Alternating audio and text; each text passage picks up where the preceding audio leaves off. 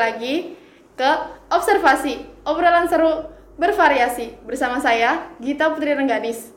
Dalam observasi kali ini, edisi spesial Hari Ibu yang akan membahas peran seorang wanita sebagai ibu, istri, dan juga wanita karir.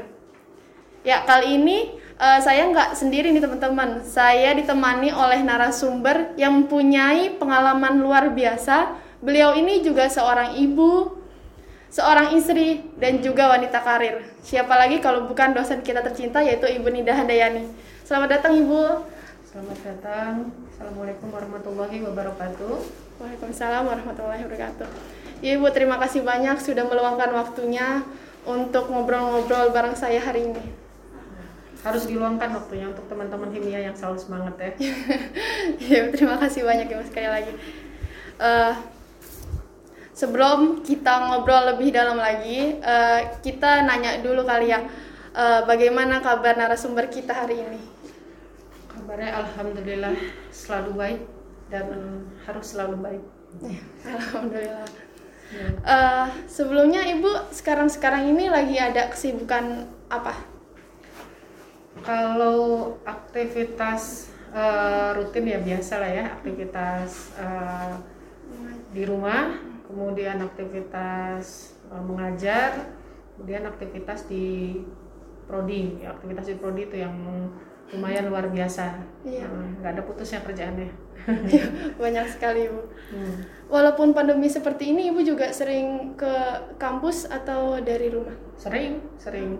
Di kampus itu bisa seminggu uh, lima hari, ya Senin sampai hmm. Jumat, hmm.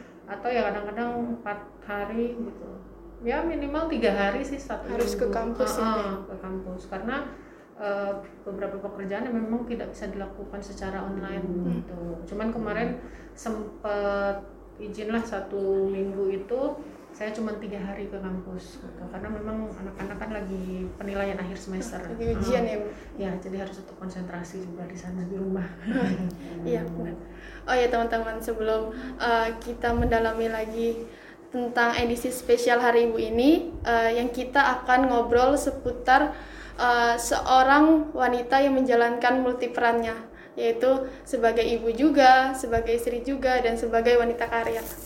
Nah, sebelumnya saya uh, pengen nanya nih Bu, Ibu hmm. sudah berperan sebagai ibu ini sudah dari kapan, tahun kapan? Uh, saya menikah di tahun 2010 ya, alhamdulillah uh, cuma kosong tiga bulan langsung hamil dan di tahun 2011 ya uh, melahirkan anak pertama. Hmm. Gitu. Wah, berarti alhamdulillah banget ya. ya alhamdulillah rezeki, langsung dibeli rezeki uh, yang luar biasa. Iya, sama Allah.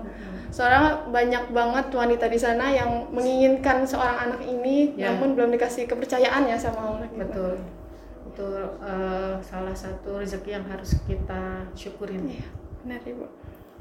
Nah, uh, pas pertama kali ibu tahu ibu akan menjadi seorang ibu itu bagaimana perasaan ibu? Yang jelas ya senang gitu ya, tapi ya bingung juga. Karena kan namanya pengalaman pertama ya anak pertama gitu. Ya beda nanti ketika anak kedua dan ketiga gitu. Di anak pertama ya tadi bingung ya campur seneng gitu. Harus gimana? Apalagi pas setelah melahirkan sempat juga ngalamin yang namanya baby blues gitu ya. Iya. karena kan ya mungkin seperti teman-teman sekarang bebas mau ke mana aja gitu ya tapi setelah melahirkan uh, apa ya namanya bingung gitu. Tiba-tiba harus menjaga bayi terus uh, menyusuin gitu ya. Iya. yang benar-benar kayaknya nggak bisa ke mana-mana saya nih gitu. Bahkan waktu itu pas lagi anak kedua itu uh, posisi saya lagi kuliah S2 oh, jadi lagi kuliah S2 uh -uh. bahkan ngerjain tesis pun uh, itu sambil ya jaga baby. Uh -uh, sambil jadi, jaga baby. Tanggung jawabnya lebih double lagi gitu. Ya sambil ngurus anak sambil ngerjain ya. tesisnya itu. Uh -uh. jadi uh, kalau baby kan bisa bangun itu di malam hari itu bisa berkali-kali ya. Hmm. nah jadi ya sambil ngerjain tesis sambil apa namanya uh, jagain baby gitu. Paling bisa tidur cuman dua jam satu jam gitu itu di anak pertama. Gitu. jadi sempet yang ya kan kalau hamil badannya langsung membengkak terus pas melahirkan itu karena sambil ngerjain tesis jadi sempat turun yang sampai 18 kilo gitu. Karena tidurnya cuma dua jam eh, satu jam gitu. Ya, paling lama tiga jam. Itu di anak pertama. Iya. beda ceritanya di anak kedua dan selanjutnya gitu. karena, itu pengalaman. iya, hmm, itu karena, karena masih awal kali ya itu karena juga. pengalaman pertama hmm. semuanya serba baru dan kebetulan uh, setelah menikah itu saya langsung uh, apa namanya tidak ada yang nggak tinggal di rumah orang tua ataupun di mertua jadi benar-benar langsung tinggal di rumah sendiri gitu jadi tanpa bantuan jauh lah jauh dari rumah orang tua ataupun saudara benar-benar uh, kita bergantung saya dan suami aja gitu. tanpa bantuan hmm. siapa pun palingan kalaupun ini uh, saya selalu pakai asisten rumah tangga. Oh tetap uh, pakai asisten. Kalau enggak kayaknya untuk menjaga kewarasan agak susah. Agak sulit ya bu. Ya karena juga capek kuliah lagi ya. terus ngurusin anak lagi Betul. di rumah. Uh, waktu itu uh, saya juga sebelum kerja menjadi dosen waktu kerjaan tesis terus menikah punya anak itu udah kerja juga di perbankan oh sambilan jadi ya. Mm -mm, kerja di perbankan terus uh, menikah gitu. Cuman ya akhirnya ambil keputusan uh, untuk resign ketika waktu itu uh, apa namanya punya anak hmm. gitu ya. Uh, karena memang uh, keputusannya bukan karena punya anaknya itu resignnya tapi karena memang saya sedang penelitian tesis. Hmm. Nah, kalau penelitian kan harus ke lapangan hmm. gitu. Nah sedangkan untuk waktu kerja di perbankan itu waktu itu nggak memungkinkan hmm. gitu. Jadi pilihannya adalah saya harus berhenti kerja di bank gitu ya terus uh, selesaikan tesis terus ya lanjutkan cita-cita saya untuk mengajar. Ya, akhirnya ya sampai hari ini. Alhamdulillah uh, terwujud cita-citanya. Ya.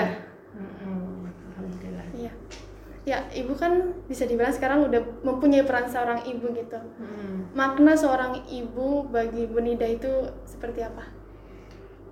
Seorang ibu itu kalau menurut saya adalah sebuah tanggung jawab. Ya terutama kan kalau peran kita sebagai ibu artinya ada tanggung jawab kita terutama kepada anak kita. Ya eh, apa namanya? Ya ketika menjadi ibu kalau saya sendiri ya saya berusaha maksimal menjadi seorang ibu gitu. Kalaupun misalnya bekerja tetap prioritas utama saya adalah tanggung jawab saya kepada anak-anak. Ya karena uh, saya takut sama Allah gitu ya yang menitipkan anak-anak ini yeah. kepada saya gitu. Jadi kayak kemarin misalnya soal uh, mereka ujian PAS ya alhamdulillah lingkungan kerja ini mendukung gitu. Lingkungan kerja mendukung itu artinya uh, memahami gitu. Ya ketika Wija sebagai bos saya gitu ya sebagai ketua program studi ibu mohon izin sepertinya dalam seminggu ini saya tidak begitu maksimal di prodi gitu ya karena ya tadi harus menemani anak-anak untuk ujian PAS gitu. Jadi menurut saya seorang ibu itu adalah tanggung jawab buat saya. Ya mungkin tidak menurut saya aja ya, mungkin yeah. untuk ibu-ibu yang lain juga perasaan sayangnya gitu ya, sehingga rasa sayang itu menjadikan uh, itu adalah tanggung jawab uh, dalam pendidikan, kemudian ya kan bisa dikatakan bahwa ibu itu adalah pendidikan dini atau pendidik pendidik uh, yang utama terutama di ketika di rumah gitu. Ya, harus jadi... sangat didampingi. Apalagi teknologi sekarang kan semakin canggih semakin mudah diakses oleh anak-anak. Uh, walaupun ya tadi misalnya anak-anak bisa mengakses uh, apa web web misalnya lihat YouTube atau permainan-permainan online tetap saya harus tahu. Harus diawasi saya harus mendampingi. Ha -ha. jadi nggak boleh pakai password handphonenya. Saya bisa ngecek. Setiap malam ketika anak-anak tidur handphonenya selalu saya cek. History YouTube-nya history webnya gitu karena pantauannya memang seperti situ iya, gitu. karena teknologi ini bisa berdampak baik bagi anak bisa Betul. berdampak yang ha -ha. karena kalau kita lalai sekali saja ke sananya akan lebih lelah lagi peran kita sebagai ibu itu Iya benar. ya Ya karena seorang ibu juga kan eh, bisa melakukan apa pun demi anaknya, pasti demi ya keluarganya juga. gitu. harus Iya karena kan eh, Rasulullah juga pernah berkata kayak hormatilah ibumu, ibumu, ibumu. Ya. Karena ibumu itu yang mengandungnya selama 9 bulan, yang merawatnya dari kecil hingga Betul. gede gitu. Makanya Rasulullah juga menganjurkan untuk hormati ibu.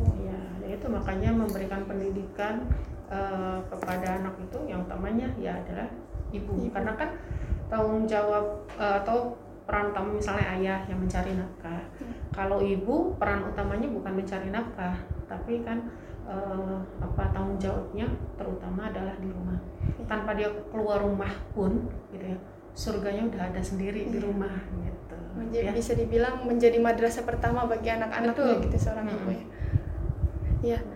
Nah, ibu kan juga memangku jabatan ibu di Ya. kampus ini. Nah, Mm-mm. pasti kan juga seperti yang ibu bilang tadi seminggu bisa lima hari, empat hari betul eh, di kampus ini. Nah, Mm-mm. terus bagaimana caranya ibu tuh eh, membagi waktunya antara urusan di rumah dan juga urusan di kampus ini?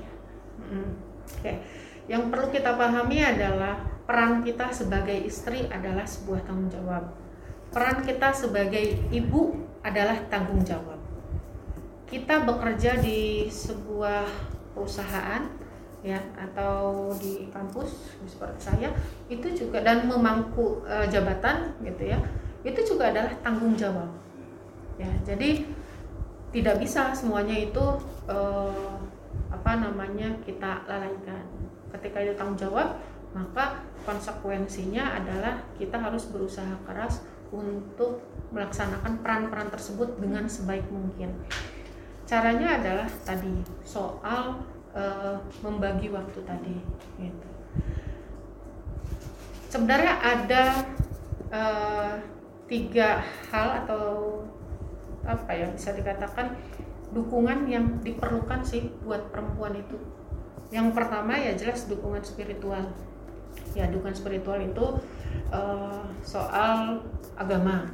Nah, kemudian yang kedua adalah dukungan dari diri sendiri yang ketiga adalah dukungan dari lingkungan nah ini saya urutkan memang menurut saya urutan ini eh, sesuai dengan apa yang harus menjadi prioritasnya gitu. Kenapa? Misalnya saya bilang yang pertama adalah dukungan spiritual ini karena eh, kalau kita ibaratnya lepas dari agama kita pasti yang yang ada adalah kita selalu mengeluh ya kan? Karena kita selalu merasa tuh Tuhan meninggalkan kita gitu ya. sendiri kok, gitu ya. kok kita dikasihnya masalah terus dikasihnya susah terus gitu. Tapi kalau kita percaya bahwa eh, Allah tidak akan memberikan kesulitan kepada kita melampaui kemampuan manusia itu sendiri.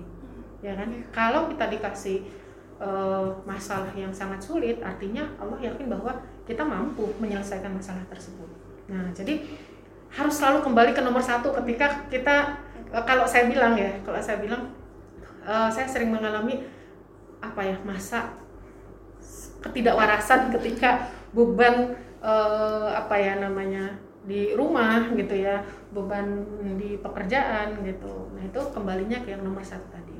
Lalu yang kedua adalah soal dukungan dari diri sendiri. Maksudnya adalah dukungan dari diri sendiri ini eh, kita harus selalu mencari kebahagiaan kita sendiri. Ya. Banyak pekerjaan di kantor banyak eh, tuntutan dari apa ya bukan tuntutan sih tanggung jawab di rumah gitu ya atau misalnya masalah-masalah yang lain di luar itu. Tapi yang jelas tadi kita harus mencari kebahagiaan kita sendiri untuk menjaga kewarasan tadi. Ya ya dengan apa pun caranya. Misal kalau saya yang saya lakuin biasanya ya minimal eh, nongkrong jalan bareng. Kebetulan eh, saya sama Biza bukan hanya hubungan atasan bawahan gitu ya. Tetapi juga kita sebelum jabatan tersebut kita memang sudah berteman dan bersahabat gitu. Jadi memang komunikasinya juga enak ya.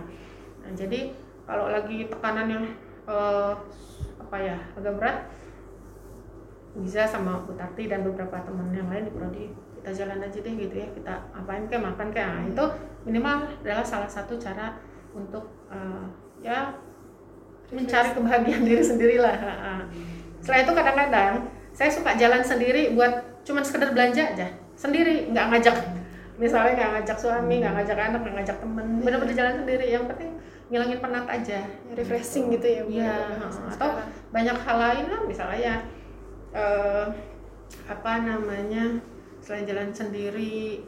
Ya dari sebelum menikah sering atau hobi nonton film. Ya minimal punya satu aplikasi yang bisa buat nonton film. Ya yang penting ngilangin ini aja. Nah, penat gitu ya. iya jadi jangan terlalu terpatok kepada beban pekerjaan dan tanggung jawab juga gitu. Walaupun itu tetap harus dijalankan ya. Iya. gitu. Terus tadi yang uh, ketiga adalah dukungan dari lingkungan. lingkungan. Dukungan dari lingkungan ini memang tidak semua orang mungkin artinya tidak semua wanita uh, didukung oleh soal lingkungan ini. Misalnya pertama lingkungan keluarga. Suami yang mensupport pekerjaan kita. Belum tentu semua orang mengalami atau semua wanita mengalami itu. Anak-anak juga yang cukup memahami. Dan alhamdulillah uh, ya karena suami saya sama-sama ini ya sama-sama dosen gitu ya. Uh, dan ya beliau juga uh, apa menjabat di lembaga di ini ya di di sini dua ini juga. Jadi cukup memahami peran kita kita tahu sama-sama tahu gitu. Dan mendukung lah setiap aktivitasnya. Jadi kadang-kadang kita uh, berbagi peran gitu. Hmm. kalau misalnya uh, lagi nggak bisa ngajarin ya suami yang ngajarin gitu ngajarin anak-anak maksudnya. Nah terus uh, apa tadi dukungan dari keluarga suami anak dan juga dukungan dari lingkungan pekerjaan. Ya. Ya memang harus direncanakan. Dulu uh, ketika pernah bekerja di bank saya ngerasa lingkungan pekerjaan ini nggak cocok dengan peran saya sebagai perempuan ketika nanti saya jadi istri dan jadi ibu karena eh, jangankan untuk cuti libur bahkan kadang-kadang ketika tiba-tiba sakit pun itu agak susah untuk libur nah maka memang eh, saya berupaya untuk bagaimana dapat pekerjaan gitu ya kita bisa berkarir tapi kita tidak mesti meninggalkan tanggung jawab kita di rumah. Nah, maka pilihannya adalah saya mengajar sebagai dosen. Artinya pekerjaan yang uh, waktunya tidak terlalu kan ada yang pekerja perusahaan itu berangkat subuh pulang malam. Nah, itu agak susah buat menurut saya ya iya. untuk uh, seorang perempuan uh, yang bisa seimbang antara pekerjaan dengan hal di rumah dengan uh, dengan tanggung jawab di rumah gitu maka pilihan saya ya di sini saya bisa maksimal memerankan peran saya sebagai istri ibu dan ya. uh, berkarir gitu atau dalam pekerjaan gitu jadi dukungan itu tadi tiga hal ya. tadi hmm. kalau tidak didapat dukungan yang ketiga tadi maka kembalilah ke yang nomor Pertama. dua oh. ke nomor dua artinya uh, ketika nggak dapat dukungan lingkungan pekerjaan ya kita berupaya lah berupaya untuk uh, memanage uh, apa ya namanya memanage soal peran tadi dan juga mencari kebahagiaan kita sendiri. Karena nggak bisa kita pungkiri bahwa kayak misalnya tanggung jawab sebagai istri dan uh, ibu itu sudah menjadi bagian dari takdir. Iya. Ya kan? Tapi kalau soal pekerjaan itu pilihan. Iya benar. Ya nah jadi kalau nomor satu masih oh kita udah merasa tertekan sekali dengan beban maka kembalilah ke nomor satu tadi gitu serahkan semuanya sama Allah ya jadinya dengan adanya tiga dukungan ini ya semua yang kita lakuin entah di pekerjaan ataupun di rumah bisa kita tenang gitu ngejalanin ya, karena mm-hmm. semua lingkungan terus juga support kita gitu ya bu ya. jadinya enak ngejalaninnya mm-hmm. harus uh, apa namanya ya alhamdulillah sih uh, saya sendiri ketiga ketiga uh, faktor ini artinya cukup cukup positif ya cukup memenuhi artinya suami cukup memahami anak-anak juga uh, memahami ya karena saya juga bekerja nggak yang full time sekali mungkin yang beberapa perusahaan yang harus berangkat subuh. Saya uh, kalau jam ngajar ya saya selalu minta ke bagian akademik untuk saya tidak mengajar di pagi hari. Karena di pagi hari uh, saya punya peran sebagai istri dan ibu. Soal menyiapkan sarapan soal menyiapkan uh, makan siang ya soal menyiapkan apa persiapan sekolah gitu. Nah itu harus saya lakukan dulu. Setelah itu baru saya berangkat kerja gitu. Berangkat kerja ya pulang tidak lebih dari suami. Atau kalaupun ada hal-hal tertentu uh, izin dulu gitu ya jadi komunikasinya sama suami betul, juga baik gitu betul ya. harus ya menjalin harus. hubungan yang baik gitu uh -uh. kalau enggak jadi masalah juga nanti iya. malah menambah beban juga kan iya. nah, yang penting jangan berantem ya sama suami kalau berantem kan udah beban tanggung jawab di rumah beban tanggung jawab di kantor udah gitu punya masalah juga iya. itu kan nambah masalah namanya iya. ya. bukan memper uh, ya memperingan iya malah nambah ya, beban gitu makanya dikurangi lah kurangi hal-hal seperti itu jadi uh, dilakukan komunikasi yang gak hanya komunikasi dengan suami aja sih dengan anak-anak juga hmm. perlu dilakukan komunikasi yang baik iya kan uh, anak ibu masih terbilang cukup kecil gitu ya, ya. yang anak pertama kelas 5 SD hmm. itu terkadang ada nggak sih bu dari anak ibu kayak nah juga anak kecil ya kadang suka ngerasa kayak uh, lagi masa-masa cranky-nya gitu kadang hmm. suka protes atau kayak oh mama nih gitu kayak ya marah-marah. Pasti selalu sampai hari ini pun selalu. Yang kelas 5 SD itu uh, kan cowok ya. Ya alhamdulillah ini udah udah mulai karena udah mulai gede jadi udah mulai nggak begitu uh, ini udah nggak begitu kalau misalnya saya harus ke kantor nggak nggak begitu manja gitu di usia segitu. Karena dia udah punya dunia sendiri main gitu. Bahkan kalau mau diajak-ajak pun nggak uh, nggak mau gitu. Dia udah oh, mau main game online aja Udah nyaman. mau, mm, mau mau latihan futsal aja gitu.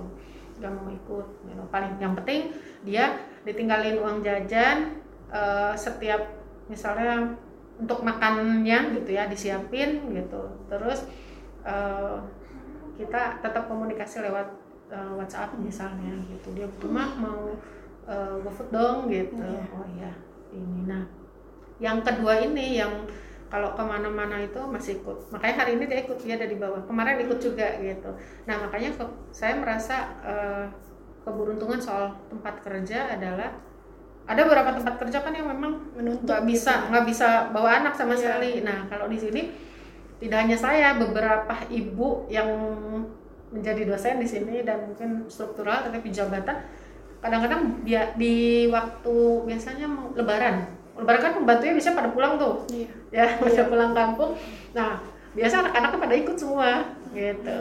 Tapi uh, tidak semua perusahaan juga kan yang bisa iya. seperti itu. Maka uh, buat saya tepat ada di sini yang juga bisa mendukung peran saya sebagai ibu gitu. Jadi nggak mempermasalahkan ketika uh, misalnya pembantu saya lagi pulang kampung atau pas anak saya lagi rewel yang yang satu SD ini masih yang mama mau ke mana? Ikut jangankan mau ke apa namanya mau ke kantor gitu ya.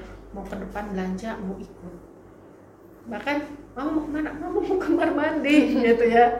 Ikut. Tuh ada perempuan ya iya. perempuan gitu. Jadi masih yang ini gitu. Tapi yang buat tahun ini uh, karena kan saya pakai ini ya pakai babysitter ya. Hmm. Yo, jadi masih yang sering sama mbaknya gitu tapi saya selalu mengusahakan walaupun saya punya pembantu gitu ya uh, saya selalu mengusahakan anak-anak itu tetap dekat dengan saya. Gitu. jadi ya yang kecil itu masih mama mau ke mana? Mama mau ke kampus gitu. Dedek sama teteh ya nah, dia paham. Hmm. ya gitu. Nggak nggak yang manja pengen ikut ya. gitu. Bisa juga dibilang itu memahami ya.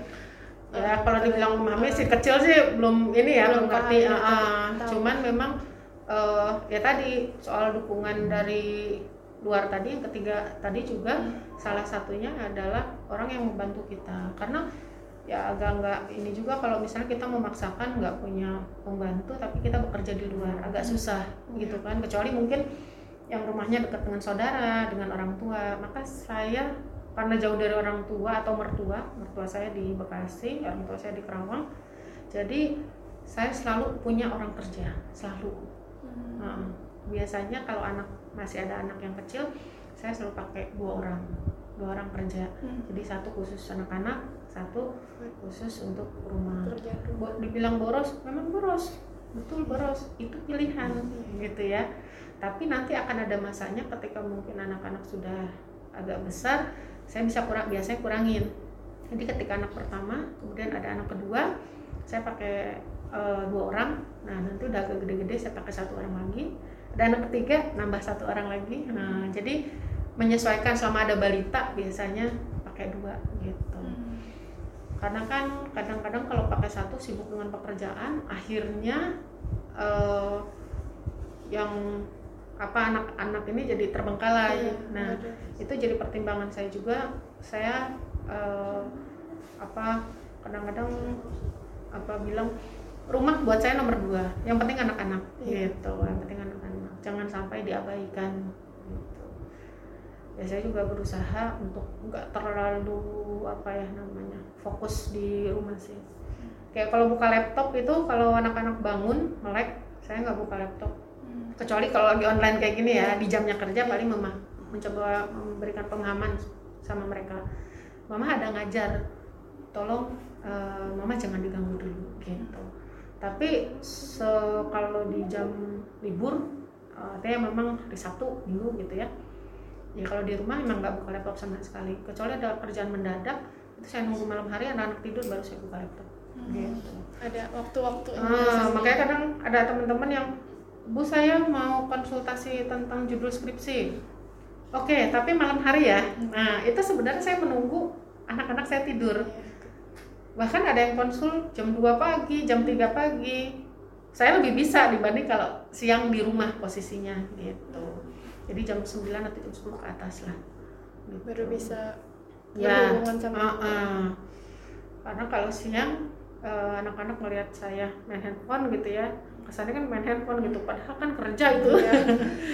ya padahal kerja tapi eh, mereka akan protes mama hari minggu tapi kok ini sih gitu kerja mulu sih. Nah itu akan muncul juga di rasa-rasa mereka. protes dari anak betul. Ibu. protes. Suami juga protes gitu ya. Protesnya sih nggak ngomong cuman ya cemberut. Dari sikapnya gitu ya. betul. Makanya ya coba memahami lah saling memahami lah. Berarti sebelum ibu memutuskan untuk uh, menjadi dosen dan memilih uh, asisten rumah tangga, berarti sebelumnya ada komunikasi antara ibu dengan suami ibu biar ke depannya seperti apa gitu ya? ya harus wajib. Eh, bahkan ketika misalnya saat sudah berjalan pun terus saya merasa eh, saya semakin sibuk saya akan selalu komunikasi. Pak gimana? Eh, ini kok kayaknya terlalu berat apakah berhenti saja? Gitu. Terus tapi suami saya mungkin ini ya eh, beliau memahami kalau ini juga bagian dari cita-cita saya gitu Eh, jadi dia selalu memberikan izin gitu selalu memberikan izin dan selalu eh, mensupport gitu ya selalu mensupport atau mendukung jadi selama ini sih nggak ada masalah eh, apa namanya dia tadi ya selama ada komunikasi tadi gitu. Jadi komunikasi itu paling utama dan paling Harus, penting dalam uh-uh. sebuah hubungan. Heeh. Apa pun masalah ada masalah apa ya ya curhatnya nggak usah ke siapa-siapa ya curhat aja ke suami kadang-kadang Iya. cuma bilang nggak usah dikomentarin saya cuma cuman mau eh, Mengeluarkan keluh ah, kesah gitu. cuma mau keluh kesah aja dengerin aja udah oh, iya oke Sebagai tempat Gitu aja. cerita juga ya. Hmm. Iya. Ya, Bu Nida ini kan bisa dikatakan berhasil gitu menjalankan multi peran ini sebagai ibu juga Bu Nida bisa mengaturnya sedemikian rupa gitu. Terus jadi istri juga menempatkan bisa gitu Bu Nida dan juga menjadi dosen yang sekaligus memangku sebagai sekretaris prodi gitu. Nah, sewaktu-waktu Bu Nida tuh pernah ngerasain kayak merasa capek, lelah gitu. Nah, terus apa yang menjadi motivasi atau tips biar Bu Nida bisa balik lagi dari keterpurukan itu Bu? Kalau dibilang berhasil, ya menurut saya mungkin belum tentu juga ya gitu. Karena kadang-kadang uh, ya tadi rasa lelah itu pasti pasti muncul gitu ya. Lagi uh, misalnya di rumah gitu, di rumah kalau lagi lelah, apalagi ada tekanan uh, pekerjaan di kantor benar-benar lagi banyak udah gitu belum misalnya dimarahin pimpinan gitu ya atau misalnya konflik sama teman sejawat gitu ya. Nah itu akan berpengaruh terhadap pekerjaan eh maaf terhadap uh, suasana di rumah gitu. Atau sebaliknya di rumah ketika misalnya ada sedikit uh, konflik dengan suami atau dengan anak-anak ya akan berpengaruh terhadap tempat, tempat pekerjaan gitu soal mood dan sebagainya. Nah jadi tadi uh, apa yang harus dilakukan adalah tadi nomor satu dua tiga tadi hmm. gitu. prinsipnya uh, kita kembali kepada Allah gitu ya. Kemudian dari diri, diri kita sendiri, sendiri dan lingkungan tadi. Dukungan-dukungan itu yang sangat diperlukan gitu. Kalau misalnya lingkungan tidak bisa memenuhi itu ya diri kita yang harus menguatkan diri kita sendiri. Artinya motivasi yang e, bisa kita kuatkan adalah dari kita sendiri gitu kalau dari kita sendiri udah benar-benar kolaps ya sudah berserah saja sama Allah. Karena ya e, berserah diri sama Allah itu gini saya percaya bahwa peran ketika kita dilahirkan menjadi seorang perempuan gitu ya maka uh, apa apa namanya kita diberikan kesempatan yang lebih sebenarnya. Karena kan gini pintu surga perempuan itu lebih banyak dibanding laki-laki. Maksudnya adalah uh, dalam menggali pahala itu itu kita lebih banyak sebenarnya kita uh, apa namanya memberikan minum untuk suami itu udah pahala makanya kan di rumah aja udah pahala gitu ngajarin anak-anak ngaji, ngajarin anak-anak belajar itu udah pahala buat kita. Pintu surga kita banyak gitu. Lagi misalnya di luar itu kita dapat izin dari orang tua bekerja membantu ekonomi e, keluarga, membantu suami gitu ya. Ya tambah plus gitu. Jadi itu aja yang e, kembali kembali itu e, yang bikin motivasi oh iya apa namanya uh, yang saya dapatkan bukan hanya sekedar materi gitu ya kan karena berharap ya dari suami misalnya berharap dapat uh, perhatian tiba-tiba datang bawa uh, hadiah gitu ya harapannya kan seperti iya. itu. Terus berharap anak-anak uh, nih apa namanya berprestasi gitu. Terus harapannya di tempat kantor gajinya makin naik. Ya harapannya kan seperti itu. Tapi kan uh, tidak selalu sesuai dengan harapan kita. Cuman ya tadi sabar aja. Sabar ikhlas. Hmm. sabar ikhlas. Balasannya uh, bisa juga. ya banyak pahala gitu mm-hmm. bisa tabungan di akhirat nanti. Ya jadi kembalinya ke situ. Muara paling akhir udah itu deh gitu. Ya, ya apa tadi di ini motivasi diri ya. sendiri. Ujung-ujungnya ya bener nggak nggak cuma dunia doang yang kita dapat tapi akhirat juga pun kita dapat pahala hmm. ngurusin suami anak Betul. gitu ya bu. Iya ini pertanyaan terakhir nih bu. Buat pasti kan banyak nih setelah para para wanita mendengarkan uh, tadi pengalaman ibu pasti kan ada nih wanita yang pengen uh, menjalankan juga multi peran ini nah pesan dari ibu yang sudah menjalankan multi peran ini seperti apa uh, kalau menurut saya eh, pesannya adalah kita menjadi seorang perempuan itu harus jadi perempuan yang pintar. Kenapa? Karena peran kita menjadi seorang istri itu harus pintar supaya bisa mendukung perannya suami. Ya, kalau kita tidak bisa memba artinya kalau kita tidak punya kemampuan mendukung suami ya kan karena dukungan laki-laki itu kan dari perempuan ya, perempuan gitu ya. maka tadi kita harus pintar. Kemudian kenapa harus pintar juga ya tadi.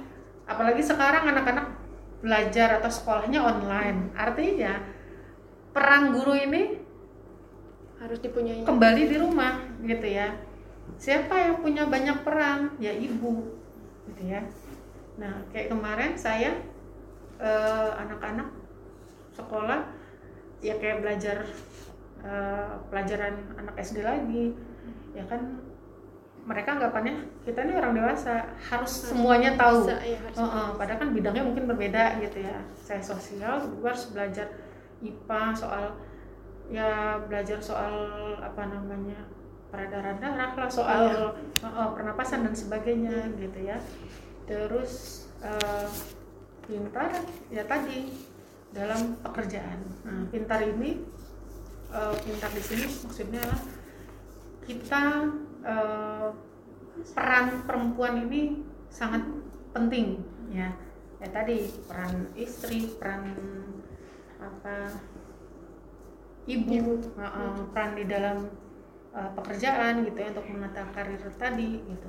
Karena dengan dukungan kecerdasan atau kepintaran seorang perempuan ini maka uh, yang namanya kesulitan peran ganda tadi insya Allah bisa kita atasin gitu. bisa Oh, jadi peran ini bukan dalam hal akademik saja, tapi soal manajemen, soal menata diri, soal menata hati sendiri gitu. Pokoknya eh, tadilah supaya eh, tetap menjaga kewarasan, gimana caranya? Nah, jadi kita selalu eh, inilah selalu kreatif untuk tetap menjaga kewarasan tadi. Jadi harus pinter lah jadi perempuan, Nah, harus punya ilmu gitu, penting. Iya. Dari dirinya sendiri nanti kalau dirinya sendiri udah bisa memenuhi Iya. disebarkan lagi Heeh. Jadi perempuan pokoknya jadi perempuan atau jadi wanita itu harus pintar, harus kuat, mandiri. Boleh misalnya depan suami eh, terlihat manja, tapi sebenarnya kuat atau mandiri gitu. Ya. ya mungkin eh, nggak terasa nih Bu Nida kita Hmm. udah 30 menit berbincang-bincang seputar eh, wanita yang menjalankan multi perannya juga nah eh, terima kasih Bu Nida sudah mau sharing sama saya Ya. hari ini Oke. dan juga selamat hari ibu untuk Bu Nida Ya, terima kasih. yang sudah berperan baik gitu sebagai ibu Insya Allah. Amin. di rumah ya. maupun di di kampus ini. Hmm. Ya sekali lagi terima kasih ya Bu. Eh, semoga kita semua dalam lindungan Allah Subhanahu Wa Taala dan diberikan kekuatan untuk menjalani hidup kita yang sekarang. Dan Ya. semoga eh, pandemi ini semoga bisa cepat berlalu kali ya Bu, biar Ya. bisa seperti dahulu kala kita bisa ngumpul lagi di kampus belajar mengajarnya juga bisa tatap muka. Gitu. Ya, amin. Semoga teman-teman juga nih calon-calon istri dan ibu juga nanti calon uh, bisa jadi uh, ibu, istri Wanita yang karir. oh, wanita karir yang bisa mengemban tanggung jawabnya dengan baik, gitu ya. Insya Allah balasannya surga jadi perempuan perannya berat tapi pintu surganya lebih banyak gitu ya. Jadi nggak usah ngiri yang laki-laki. Ya, guys, hari ini kita sudah banyak banget mendapatkan ilmu bermanfaat dari Bu Nida ini sebagai narasumber. Ya mungkin eh, kita akhiri saja kali ya Bu ya obrolan kali ini. Ya, sampai jumpa teman-teman sobat admin. Bye. Sampai jumpa juga. Sehat semua ya. Amin. Ya, ya Ibu juga Oke. sehat selalu ya Bu. Ya.